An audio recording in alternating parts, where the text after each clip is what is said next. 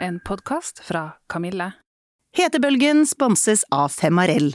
Det kan du kjøpe både på helsekost og apotek, helt uten resept. Denne podkasten er sponset av Prinsess.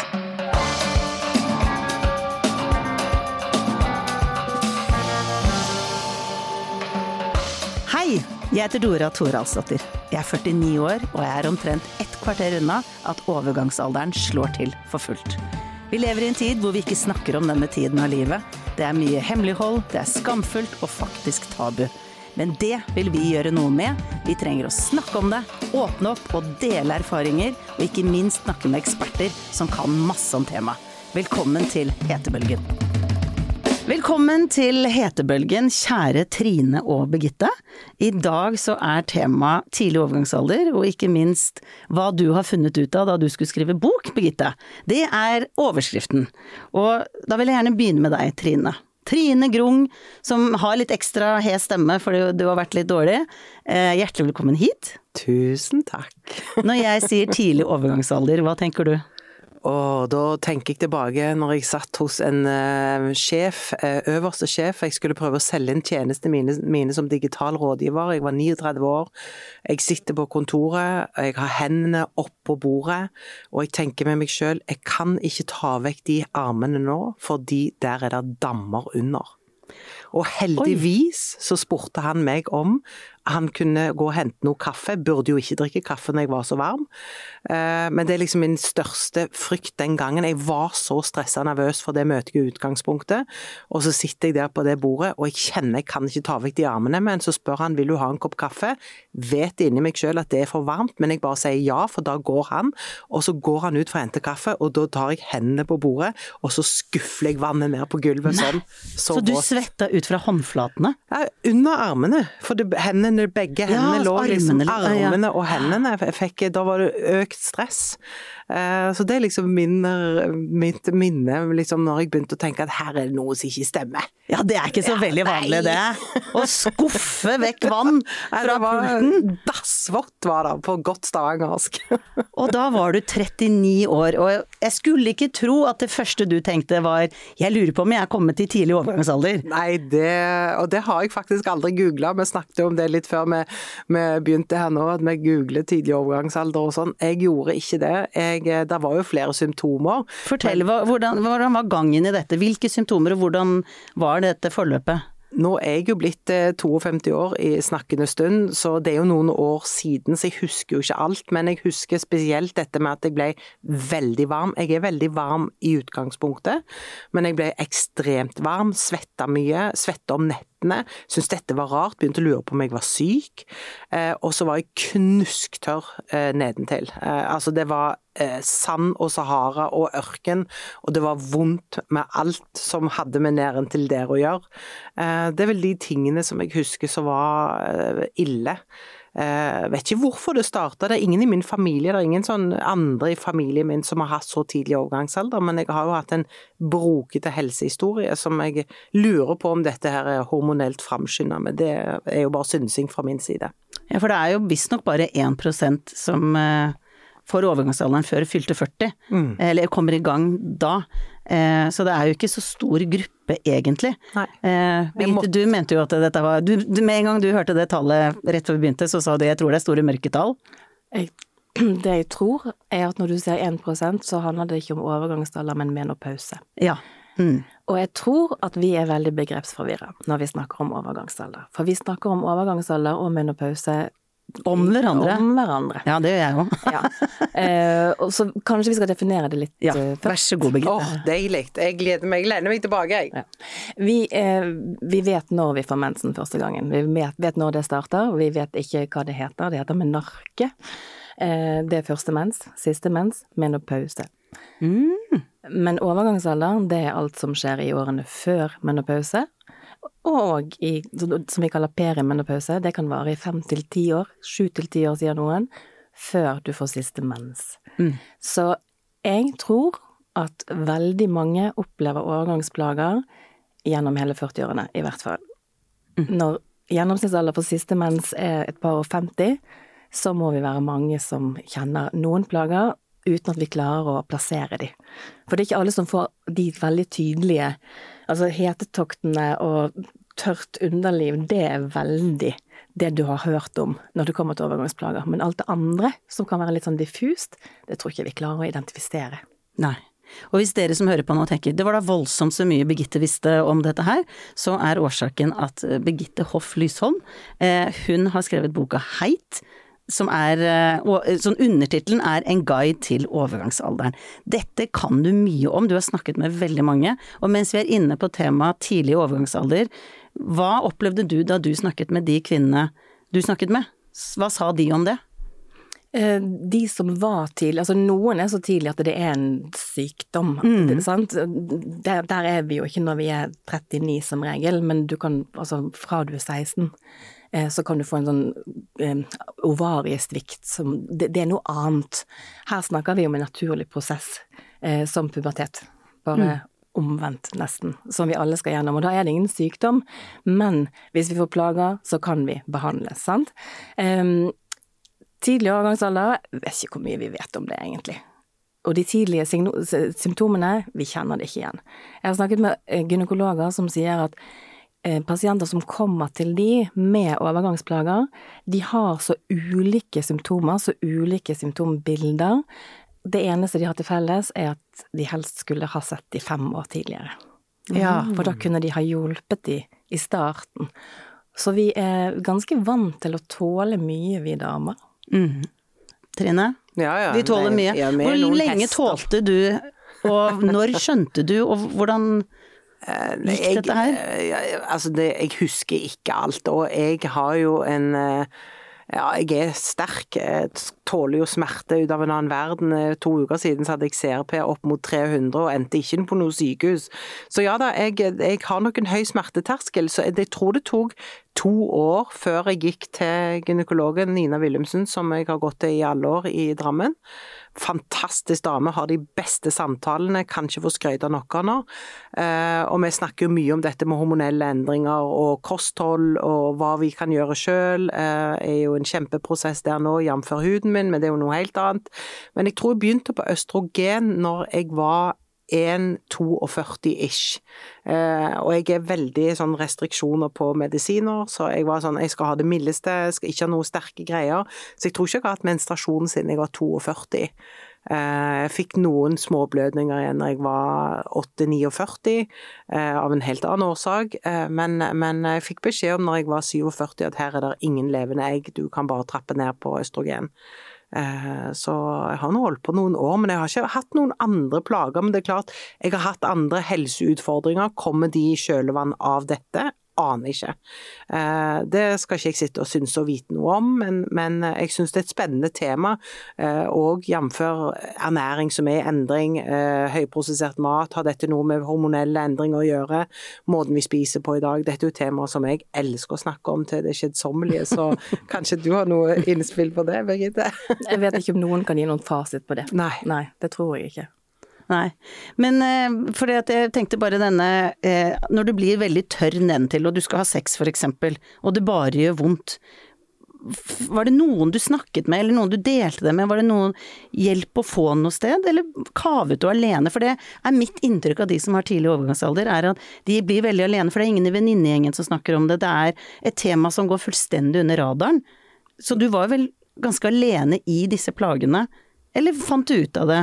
Altså, du kjenner jo meg, Dora, mm. Eh, og har kjent meg i mange år. Jeg er jo en nysgjerrig type. Eh, så jeg skal jo alt til livs, eh, jf. at jeg nå har hatt inflammasjon i ansiktet, i huden, over lang periode. Så skal jo jeg finne ut av dette sjøl, og legen min vet at jeg er sånn. Og jeg har tusen spørsmål, jeg er en pest og en plage. For jeg går ikke ut av et legekontor med et medisin uten å gå til roten ja, hvorfor har dette oppstått? Mm -hmm. Det er min mantra med alt som skjer i livet. Så når jeg kom til Nina Willumsen, så var det litt sånn hvorfor har dette oppstått så tidlig? Det var jo samtaler som vi hadde mye rundt, husker jeg, men jeg husker ikke alt som ble sagt. For det er jo mange, mange år siden. Eh, men, men eh, jeg var litt sånn Jeg tok ikke til Google, for dette er jo såpass mange år siden at det var jo ikke noe vi brukte den gangen i så mye grad som vi gjør i dag. Men jeg husker det der med det tørre eh, skjeden. Det var litt sånn Jeg syns det var rart, for jeg, det kom jo litt brått på. Du, du forstår forstår ikke helt hva er det som skjer, hva er dette? Eh, hodet vil, men kroppen lyster ikke. Så du, du, du, forstår ikke helt signalene og vet ikke helt hva du skal gjøre med det. Mm. Så jeg husker ikke alt jeg gjorde, men jeg husker at det gikk en, en, kanskje et halvt års tid før jeg tenkte at nå må jeg gå og sjekke dette, dette er jo ikke normalt. Sånn mm. kan jeg ikke ha det. Eh, og så var det jo en sånn årlig eh, kontroll hos Nina, da, på en gynekologkontroll, som da viste at eh, jo, her var det tegn på at er det østrogen som går ned, eller hva er det? Jo, mm. det er det, ja. Så ja, så da var det jo egentlig bare Så gikk jeg ett år da uten å begynne på østrogen, for jeg var litt sånn nei, jeg vil ikke ta medisiner, dette skal jeg finne ut av. ja. Typisk meg, jeg er dum i hodet, men sånn er jeg. Jeg får ikke endre på det. Uh, og så begynte jeg jo på østrogen da jeg men, var 42. Men når du sier østrogen, er det piller, eller ja. hva? Mm. Hvordan hjalp det? Én for dag. Da kom jo alt. Da ble det jo fukt i, fukt i heimen. Ja. Fukt i kjelleren? fukt i kjelleren. Den var på topp igjen. Eh, jeg eh, fikk mindre leddvondt, for det var jo òg en av de plagene som jeg hadde. Eh, og så er det jo det, hvor bra var det å gå på disse medisinene? Det, det vet jeg jo ikke. Jeg hadde jo betennelsesgrad grad fire i åtte ledd. Det var Martine Hansen gikk ut med cellegift, som jeg òg nekta å ta. Men, men Og eh, har klart å reversere. Så det, det, var nok mye som skjedde i kroppen min eh, på den tiden. Uh, I aller høyeste grad. Når jeg tenker tilbake nå, så er det jo veldig dumt at jeg ikke har skrevet ned alt. Det var dumt at jeg ikke blogga mye om det. Det vil si, jeg har blogga om det, men det lå på den gamle bloggen min. Mm. Ja. Men hadde du noe skam rundt det? Fins ikke. Jeg er ikke skamfull på det overhodet. Jeg hadde tror nok ganske sikkert at hvis jeg spør mine bestevenninner Rune og, og, Katrine, som jeg var mye med på den tiden, og hvis jeg spør de, så har jeg helt sikkert på en tur snakket om dette her faenskapen faenskapet med tørr kjeller, altså. Jeg er 100 sikker på det. Ja, bjuda på! det skal du ha. Men eh, Birgitte, når vi er inne på tidlig overgangsalder, så har jo du opplevd det ikke med deg, men noen andre? Ja, mamma, kom, mamma var 39. Og det oppdaget jeg når jeg var 39. Ja, at hun var 39. Sa hun det til deg da? Nei.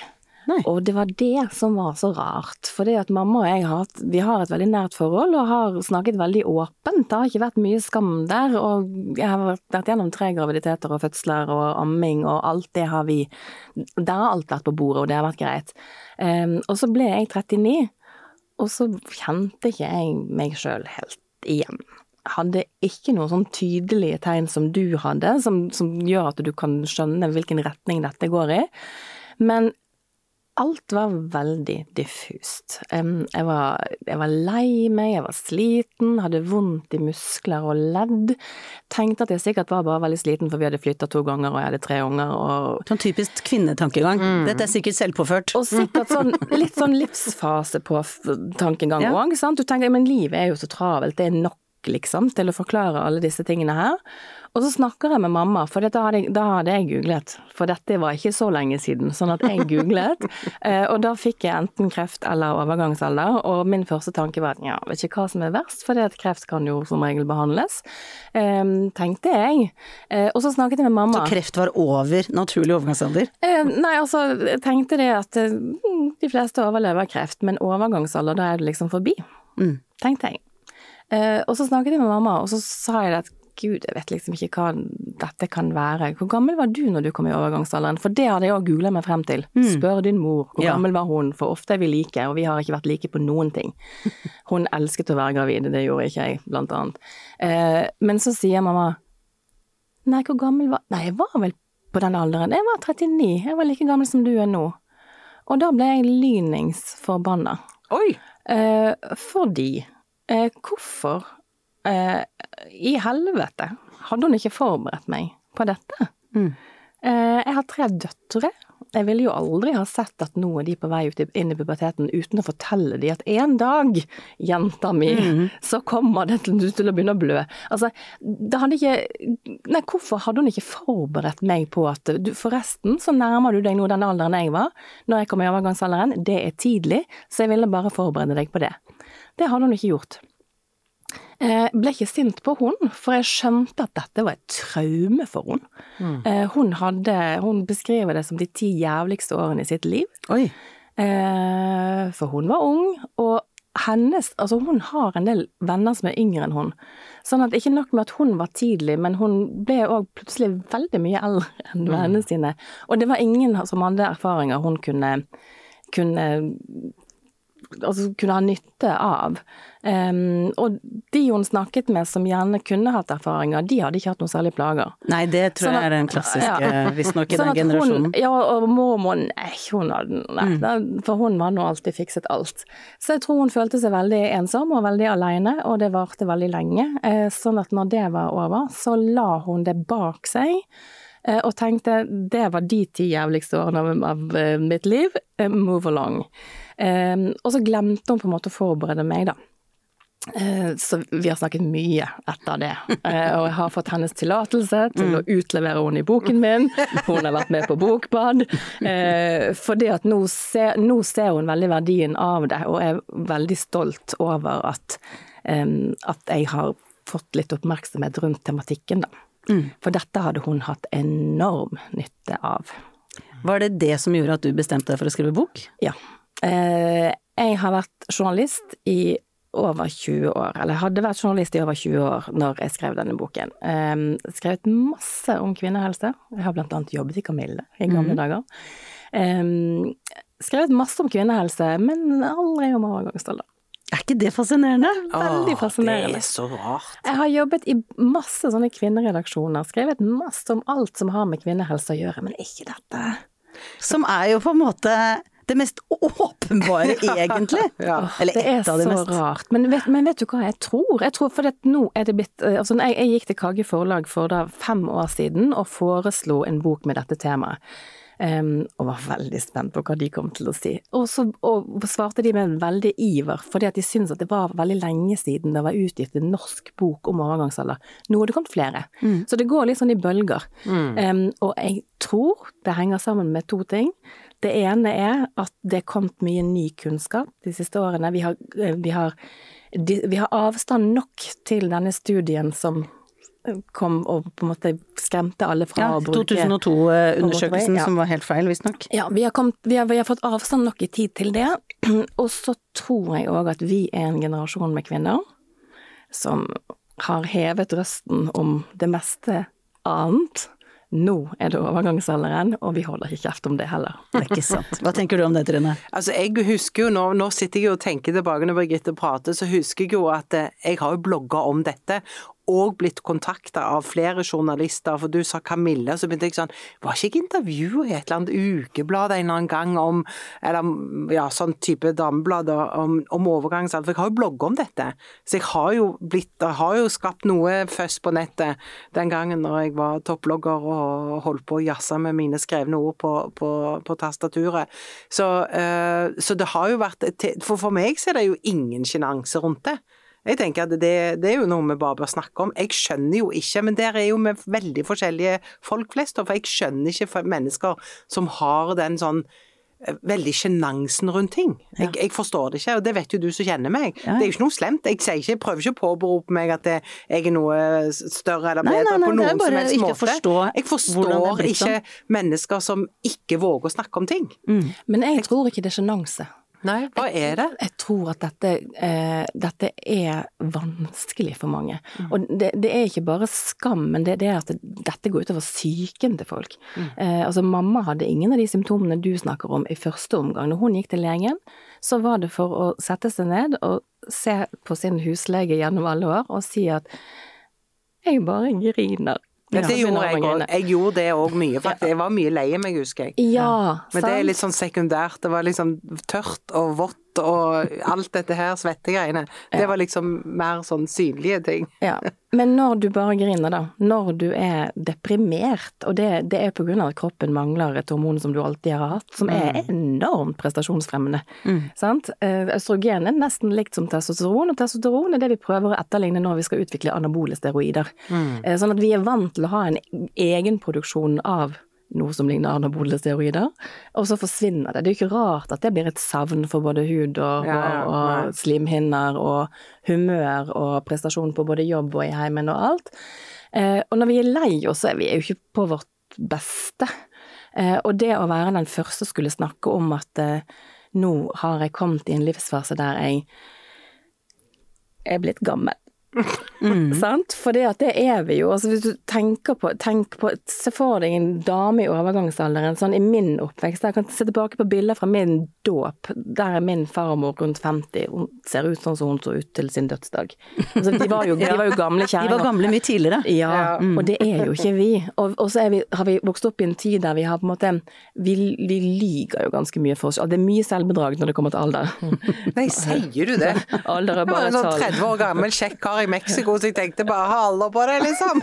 Men det- Før du kom på at Han det kunne vært mora di? Ja, han gløtta jo ikke i min retning engang. Den selvtilliten er jo nydelig. Jo, men det har, det har mye bra Good for for seg. Men vi glemmer liksom Det er ingen som har sendt den memoen at men kroppen er noe Biologien er noe sånn som biologien er. Ja. Og den får du ikke påvirka. Når det er tomt, så er det tomt. Ja. Helt uavhengig av hvor gammel eller ung du føler deg. Ja. Men la oss snakke om the upside of. For jeg tenker at ja da, så er det som det er. Vi får ikke gjort noe med det, og så får vi ta de eventuelle tilskuddene som vi blir tilbudt. Og så er det jo oppsvinget etterpå. Da snakker vi, altså. Det vil jeg høre mer om. Det, det, det høres ut som sånn avslutningstale. Alle fordelene. Nå må jeg snart hoste, så jeg vet ikke om vi må avslutte før. ja, jeg skal ikke begynne engang. Da går det helt ifra magen opp her. Nei da, men eh, det er jo mange oppsving etterpå, da. Det er jo veldig positiv vri. Få høre. Ja, altså, men Ta noe. Altså, det er jo bare Du har jo en annen seksuell lyst etter du er ferdig med alt dette greiene her. Ja. Så nå vet jo du Men hvordan du står du- til på det området akkurat sånn per se, men, men, men det er en annen driv over tingene, føler jeg. Men er det tilbake igjen til sånn som det var før overgangsalderen? det er nei, det er mye, mye bedre. Ja, Ja, sånn, ja, ja, ja. Men der kommer litt sånn selvtillit og erfaring og livs... Uh, Ja ja, ok, men da er det alltid en pakke, men den pakken er bedre enn den var i utgangspunktet. Et lite slag for alle de som gruer seg til å bli eldre. Eh, Bare gled deg. Det var glede seg, det kommer i 50-åra. Det er da det skjer! Det her er party! Lykkekurven går jo opp etter 50, Ja, ja, ja, ja. tross alt. Det går bare fremover. Du Birgitte, jeg lurer på, fordi at du har jo skrevet eh, boka Heit, og jeg vet at du har snakket med utrolig mange damer for å få materialet til, eh, for det handler jo om erfaringen, og det er det jeg syns er mest interessant med overgangsalderen. er Hvordan opplevde du det, Trine? Hvordan opplevde du det? Fordi at du begynte jo med at du faktisk tenkte at du var i overgangsalderen i en alder av 39, Ja, men bare for å å runde av det, så, så var det ikke det likevel. Det var nok ikke det da. Eh, men det jeg fant ut underveis, var det at nå skal jeg gå til legen, og så skal jeg si at nå har skrevet en bok om overgangsalderen. Eh, jeg trenger at noen tar vare på meg. Mm. eh, og så svarer hun med at det skal vi gjøre, nå legger vi en plan. Eh, og det var så deilig, bare det å føle at du blir ivaretatt, og at du har noen på lag med deg som skal følge med, da. Eh, og at du vet at du vil få hjelp underveis. Det var helt nydelig. Og så sa hun at det første vi gjør er at vi setter inn en hormonspiral. Det har jeg aldri hatt før, for det har jeg ikke fått til. Jeg har prøvd en gang, men det var så vondt at jeg måtte ta den ut. Men det klarte hun. Eh, For nå sier hun at da får, da, får- da får du ikke de blødningsforstyrrelsene og styrtblødningene som kan være veldig plagsomme. Og bare det at jeg vet at jeg slipper det, da er alt good. Og så blir jeg ivaretatt. Og det er det ikke så ofte vi damer føler at vi blir. Fordi at vi er de som skal fikse alt for alle. Um, så nei, nå har jeg helt roen. Ja. Jeg var ganske stressa. Nå har jeg råd. Det går bra. Mm. Du kommer ut i andre Bare se hvor lykkelig Ja, ja, buddha-figuren i hjørnet her er, som bare ja, ja. smiler og er fornøyd. Full Full sendzone. Men det jeg skulle si da, Birgitte, var at du har snakket med så mange damer om overgangsalderen. Og så bare lurer jeg på, hva er det som overraska deg mest? Hetebølgen er sponset av Prinsess, som har mye kompetanse på hva som kan hjelpe alle kvinner som sliter med nattesvette, og som kaver, ja, på nattestid, rett og slett. Så kjære deg, som kommer fra Prinsess og er ekspert på dette her, hva slags, hvis vi begynner med dyner, hva slags dyne burde kvinner i overgangsalderen ha? De burde velge dundyne. Og det høres kanskje litt rart ut, for det, Ja, det høres varmt ut, men det er ulike tykkelser som gjør at det er fra den tynne sommerdyne til en tykk vinterdyne. Ja, ikke sant. Altså hetetåkene blir jo ikke borte, men da er det best å bruke dyn. Dun. Det er helt riktig, fordi den dunen har egenskapen at den transporterer fuktighet, og det er lett å lufte og få den fin og behagelig igjen. Ja, ikke sant. Og så kommer sengetøy, hva vil du anbefale da? Da anbefaler vi sateng. Det er glatt, godt å ligge på og kjennes kjølig. Men så har du krepp som også er veldig godt, fordi det en, er en kvalitet som gjør at det blir litt luft imellom hud og tekstil, og veldig behagelig. Jeg tenker sommer med en gang når du sier ja, krepp. Ja, det gjør nok de fleste, men det er veldig bra for um, Svettende kvinner. Det er helt riktig. Det er veldig bra for det, altså. Rett og slett. Ja. Og til slutt, hva vil du si om laken? Laken er det igjen sateng som er det beste. Glatt, kjølende og behagelig å ligge på. Og mer ekspertise får du fra hvem som helst som jobber i Prinsess, så det er bare å gå og kjøpe de rette tingene til denne tiden av livet. Rett og slett. Hvor lite folk vet. Hvor lite forberedt vi er, eh, og hvor ulike symptomer vi får. Eh, for alt kan egentlig bortforklares, bortsett fra de der hetetoktene som vi har hørt om. Mm. Og som du kan bare lese om at eh, Ja, hva andre symptomer er der egentlig, da? Sånn, det er, det er vonde ledd? Søvn svettetokter om natten? Ja, men bare det å få litt sånn ustabilt søvnmønster, og kanskje ikke sove så godt, kanskje våkne tidligere enn du noen gang har gjort. Eh, være irritabel, være verre enn tenåringen i huset, liksom. Og sånn, og sånn pubertalt irritabel. Eh, snakket med en dame som sa det at eh, eh alle venninnene hennes hadde masse overgangsgreier. Hun hadde ingenting, og ingenting som plaget hun. Det eneste som plaget hun i livet hennes, var gubben var blitt så forferdelig irriterende. Ja, det tror jeg gjelder mange. Og han var blitt så irriterende på, i alt han gjorde. Han var til og med begynt å gå irriterende. Eh, så, men, så det passet hun på å påpeke, og da sa han at jeg går sånn som jeg alltid har gått, og da skjønte hun kanskje, ja. det, har, kanskje det kan ha litt sånne overgangsgreier jeg òg. Så hun var bare veldig irritabel. Um, men ja, altså vondter, alle mulige slags vondter som du ikke helt klarer å Eller som du gjerne bortforklarer, da. Mm. Hjernetåke syns jeg også er en sånn veldig mm. kjip følge ja. av dette her. Og bare det at du Bare en sånn litt sånn diffus følelse av å ikke kjenne deg sjøl helt igjen, eller kjenne din egen kropp igjen. Mm. Og så snakker vi litt sånn foraktfullt om midtlivskrise. Mm. Eh, og så tror jeg at det er veldig mange som på denne alderen her, og om det er hormonelt eller om det handler om livsfaser, men at vi begynner å skulle finne ut hvem vi er nå, da. Mm. For det at det er på samme måte som at uh, ungdomstiden ble definert av en generasjon. sant? Før så var det bare barndom, og så var du voksen, og mm. plutselig så kom det en ungdomsperiode ikke det litt det vi er i ferd med å definere her òg, da? For før så var du voksen, og så ble du gammel. Nå har vi et lite sånn mellomspill mm. som jeg ikke tror at generasjonene før oss har hatt. Så jeg tror vi får litt sånn derre Litt sånn identitets... Uh, ikke krise, det kan være vekst. Mm. Men det er noe identitetsgreier. Mye bedre ord. Ja, for det, jeg tror ikke vi skal tenke på det som kriser, alt. Jeg har snakket med folk som har opplevd veldig mye vekst, men endring. Mm. De opplever at de er i endring, eh, og det kan jo gjøre vondt helt til du lander, men det kan være positivt òg når du lander. Mm. Mm. Men jeg tror en ting som eh, en skal gjøre òg når en kommer i den, for dette snakker jeg jo mye med min gynekolog om, fordi at ernæring er et eh, viktig tema for oss begge, eh, og det er å sjekke òg mangler av f.eks. magnesium, som er en eh, noe som 90% av befolkningen mangler, får for lite av, som kan hjelpe på søvn, f.eks.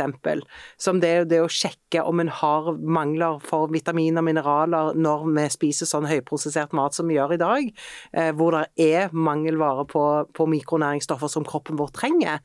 Det er essensielt på alle måter. Jeg tror det vil være veldig mye lettere å takle at du mangler magnesium enn at du mangler østrogen. Mm. Så jeg tror veldig mange vil ha lyst til å starte der. Men det kan hjelpe i det prosessen. Kan hjelpe. Jeg tenker at det, som en overgang så hjelper jo de alt. Du må jo ta, eh, ta tak i de hjelpemidlene en kan få. Mm. Og det er derfor jeg sier at det er viktig å sjekke, for mat i dag, næring, den det vi kjøper på butikken i dag, gir oss for lite næring av essensielle vitaminer og mineraler som vi trenger.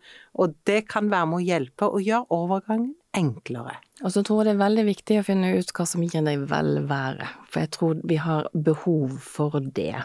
Eh, og det finnes liksom Det, det er som et tilbud der ute. Jeg har sett folk som som tilbyr yoga som skal øke hormonproduksjonen, det gjør det ikke. Men yoga kan gi velvære, og da skal du gjøre det. Mm. Så alt som føles bra, eh, mange har god effekt av trening, eksempel. Da skal du gjøre det. Mm. Men her er det veldig mange individuelle løsninger. Mm. Eh, fordi at det er veldig individuelle plager. Mm. Hva tenker du om eh, hormonterapi, østrogen, som Trine var inne på at hun tok, og veldig mange er skeptiske? Hvor er du, Birgitte? Jeg er ikke så skeptisk. Jeg syns ikke det er en veldig oppdatert eh, holdning. Det var kort og konsist. Ja. Så den dagen du kjenner at eh, nå, nå er vi i gang her i større grad, jeg trenger litt hjelp, så er du åpen for å Jeg tar imot de rådene jeg får fra min lege. Og Ja. det er det eneste rådet jeg kan gi andre òg, for jeg er ikke helsepersonell. Jeg Nei, ikke har bakgrunn som journalist. Eh, Så eh, jeg bare forholder meg til, eh, til legeråd, jeg. mm. Ja, rett og slett. Og så tenker jeg det at det er det, Jeg ser at det er veldig mange som er veldig opptatt av å finne en gynekolog. Eh, Det, det fins mange veldig flinke fastleger som er opptatt av dette. Eh, Og de som ikke er oppdatert, de må bli det. Ja. Og derfor er det så viktig at vi òg involverer fastlegen i det vi strever med. Mm. Og at vi forventer at de holder seg oppdatert. Og der tenker jeg du fikk, fant jo noen som hjalp deg, Trine. Ja, ja, jeg alltid jeg har, Ikke én dag har jeg vært hos fastlegen og snakket om mine kvinneting, så jeg velger gynekologen å gjøre de tingene, for det, at det, det faller naturlig for meg. Ja. Og du bor et sted i landet der det er mulig. Ja ja, selvfølgelig. Jeg har reist rundt i kriker og kroker, og noen steder må du reise langt for å få time hos en gynekolog. Så det er ikke en, det er ikke en enkel Det er ikke noe alle har tilgang på. Nei. Em, og derfor så sier jeg at jeg har òg stor tro på fastlegen. Og så er det jo dette her med informasjon, for det var det du sa at det overraska deg mest, det var jo dette her mangel på informasjon når du snakket med kvinner i forbindelse med boka di. Og så tenkte jeg, Trine, du som er da sosiale medier-eksperten, eh, har fronta det, eller gått i for... Du var jo først, føler jeg, du var liksom fus i toget eh, på sosiale medier. Eh, jo, hvis du googler overgangsalder, så er det veldig mye praktisk, medisinsk, veldig sånn faktabasert, men ikke så mye om opplevelsene. Hvis vi skal få mer informasjon om hvordan det er å ha overgangsalderplager og hva man kan gjøre og sånne ting, hva tenker du at Lise i Volda og Trude i Kongsvinger kan gjøre på sosiale medier for å få mer sånn hvordan kan vi få mer informasjon ut, tenker du? Det må jo være noen som brenner veldig for emnet, eh, og som er glad i å skrive. For det at hvis Lise da sitter med plager og kanskje har hørt noen hviske i øret at dette kanskje er tidlig overgangsalder, så vil jo hun ty til Google før hun tyr til Instagram eller Facebook, Ja, ja. for eksempel. Og da må det jo ligge noe disponibelt der, eh, som søkeoptimaliseres, eh, som er søkeoptimalisert med da tidlig overgangsalder, eksempel. En blogg med mange historier eh, boken i bloggform med mange historier fra mange Lise, Anne, Per og Ikke Per og Pål, men ja, du skjønte hva jeg mente. Eh, Kone at- til Per og Pål. Ja. At det er da mange historier der med andres opplevelser. Det ville jo vært et oppslagsverk av noe slag, men da er det jo hvem som skal gå i bresjen for å gjøre det. Eh, Jeg, tenker, jeg har så lyst til at det skal bli mer informasjon der ute, og da blir det jo å dele historiene som jeg tror hjelper veldig mange andre. Og det kan man da gjøre ved å sette i gang selv og fortelle om sin historie og samle litt og Nå sitter vi jo her i et studio eh, i Nydalen i Oslo og spiller inn en podkast. Det er tre kameraer som filmer alt det vi holder på med av obligører i dette studioet. Disse videosnuttene her vil jo jeg klippe ned til 40 sekunders, eh, ett minutters eh, snutter på Instagram som reels og på TikTok, ikke minst på TikTok, for der når du bredere. Men der er gjennomsnittsalderen litt lavere, er den ikke det? Nei. Nei, ok, det var den eh, Ja, nei, men det trodde jeg, skjønner du. Men, Instagram er på vei ut. men Ok, jeg har lyst til å slå sitter, et slag går slag. bakerst i det toget ditt, faktisk. Jeg vil slå et slag for å snakke med unge mennesker om dette. For det, Ja, jeg, absolutt, Og fortell. Jeg har opplevd Helsesista må du få inn her. Hun kan Ja, ja, snakke ja. med de unge om det. Jeg har opplevd at det er mye lettere å selge tema overgangsalder til eh, 20-åringer enn til 40-åringer. Oi, hvordan da? For de er jo ikke redde jo ikke ennå. De, de ser bare det så Å, nei, noe, noe å være nysgjerrig på. Det er jo lenge til, så det er jo trygt. Men er du 40 altså, selv Noen av mine beste venninner klarte ikke å lese den boken når den kom. De har kommet krypende seinere når de trenger den, eh, fordi at de har skjønt det. Men det har sittet veldig langt inne. å- å Tror du det er fordi det er den innrømmelsen av at nå begynner jeg å bli eldre? Ja, nei, dette angår Dette ikke vil- meg. ja, nei, ikke jeg er ikke der. Ja. Ja. Jeg får komme tilbake om ti år. Ja. veldig. Det er en veldig sånn eh, Tar veldig avstand til det. Men altså, gravide kvinner i slutten av 20-årene har kjøpt signert bok. Jeg ble veldig overrasket. For De syntes det var spennende med, kvinnehelse. Og for de så var det kvinnehelse.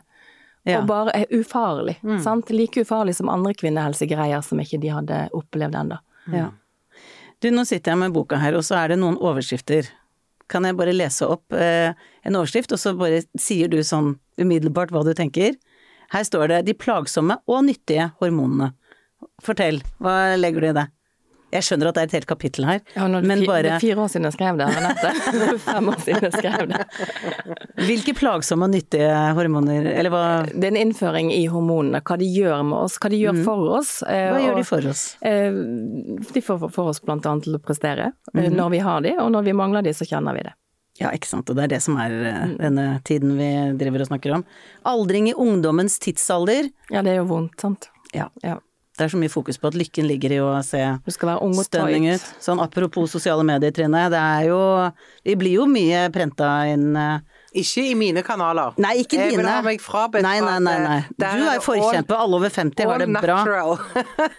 Har du kommet over 50, gratulerer, nå er det bare å glede seg. Det er din eh, kanal. Jo, men vet du hva, der har vi en makt òg til å velge hvem vi følger, sant? Ja.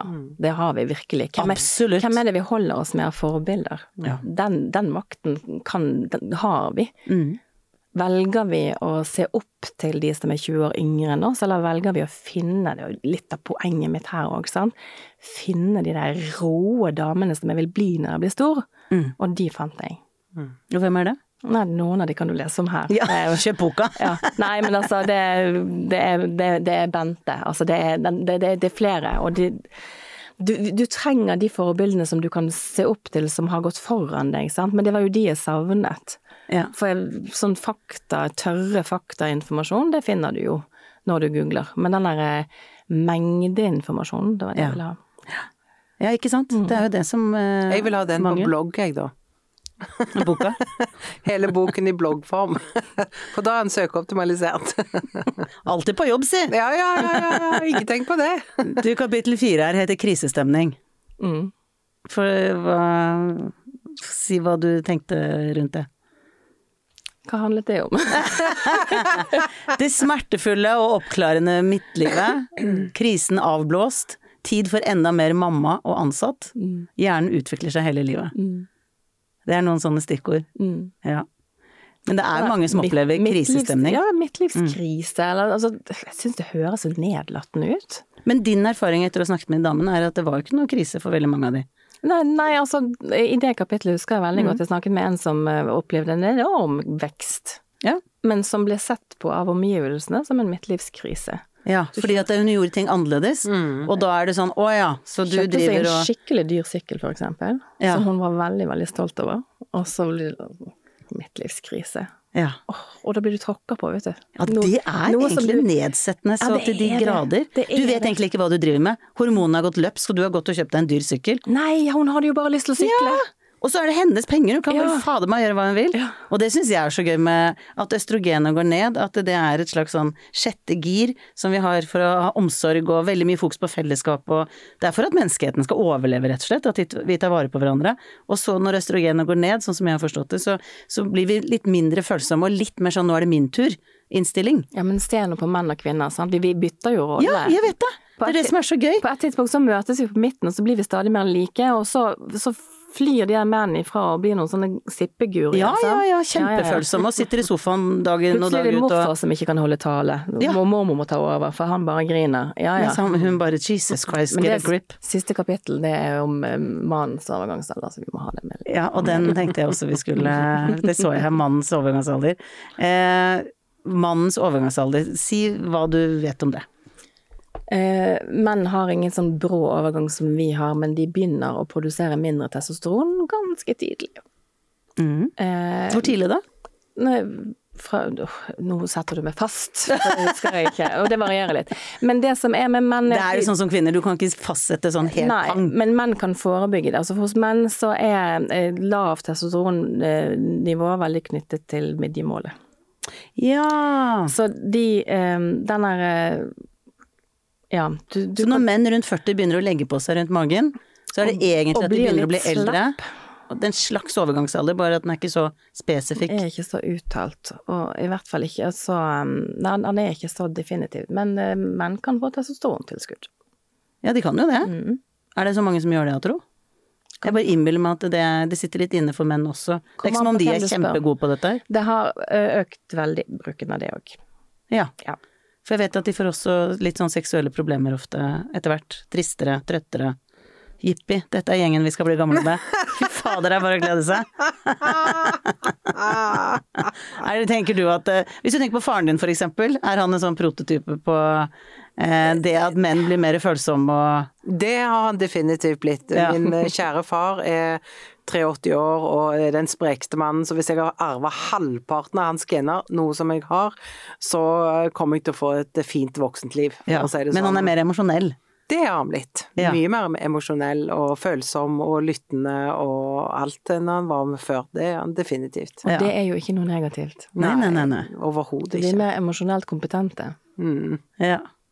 Du damer, det var altså så hyggelig å ha dere her, og så går jo tiden. Så det jeg lurer på sånn helt til slutt, for jeg syns det er så fint å avslutte med noe sånn Altså det kan høres litt sånn naivt ut å slutte med noe positivt, eh, og litt sånn når vi snakker om noe som er ganske kjipt for veldig mange.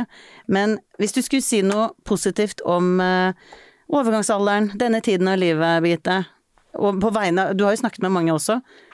Hva er det som er bra med at vi kommer igjen, går igjennom denne fasen, har alle disse plagene, så kommer vi ut på den andre siden er det noe bra? Er det noe positivt? Jeg tror det er en reise så du kan komme ut av å være veldig styrket og bli bedre kjent med deg sjøl, og så er jeg så vanvittig glad for at det er en mye større åpenhet, og det har skjedd i løpet av de siste fire-fem årene. Mm. Eh, så jeg tror ikke det trenger å være like ensomt lenger.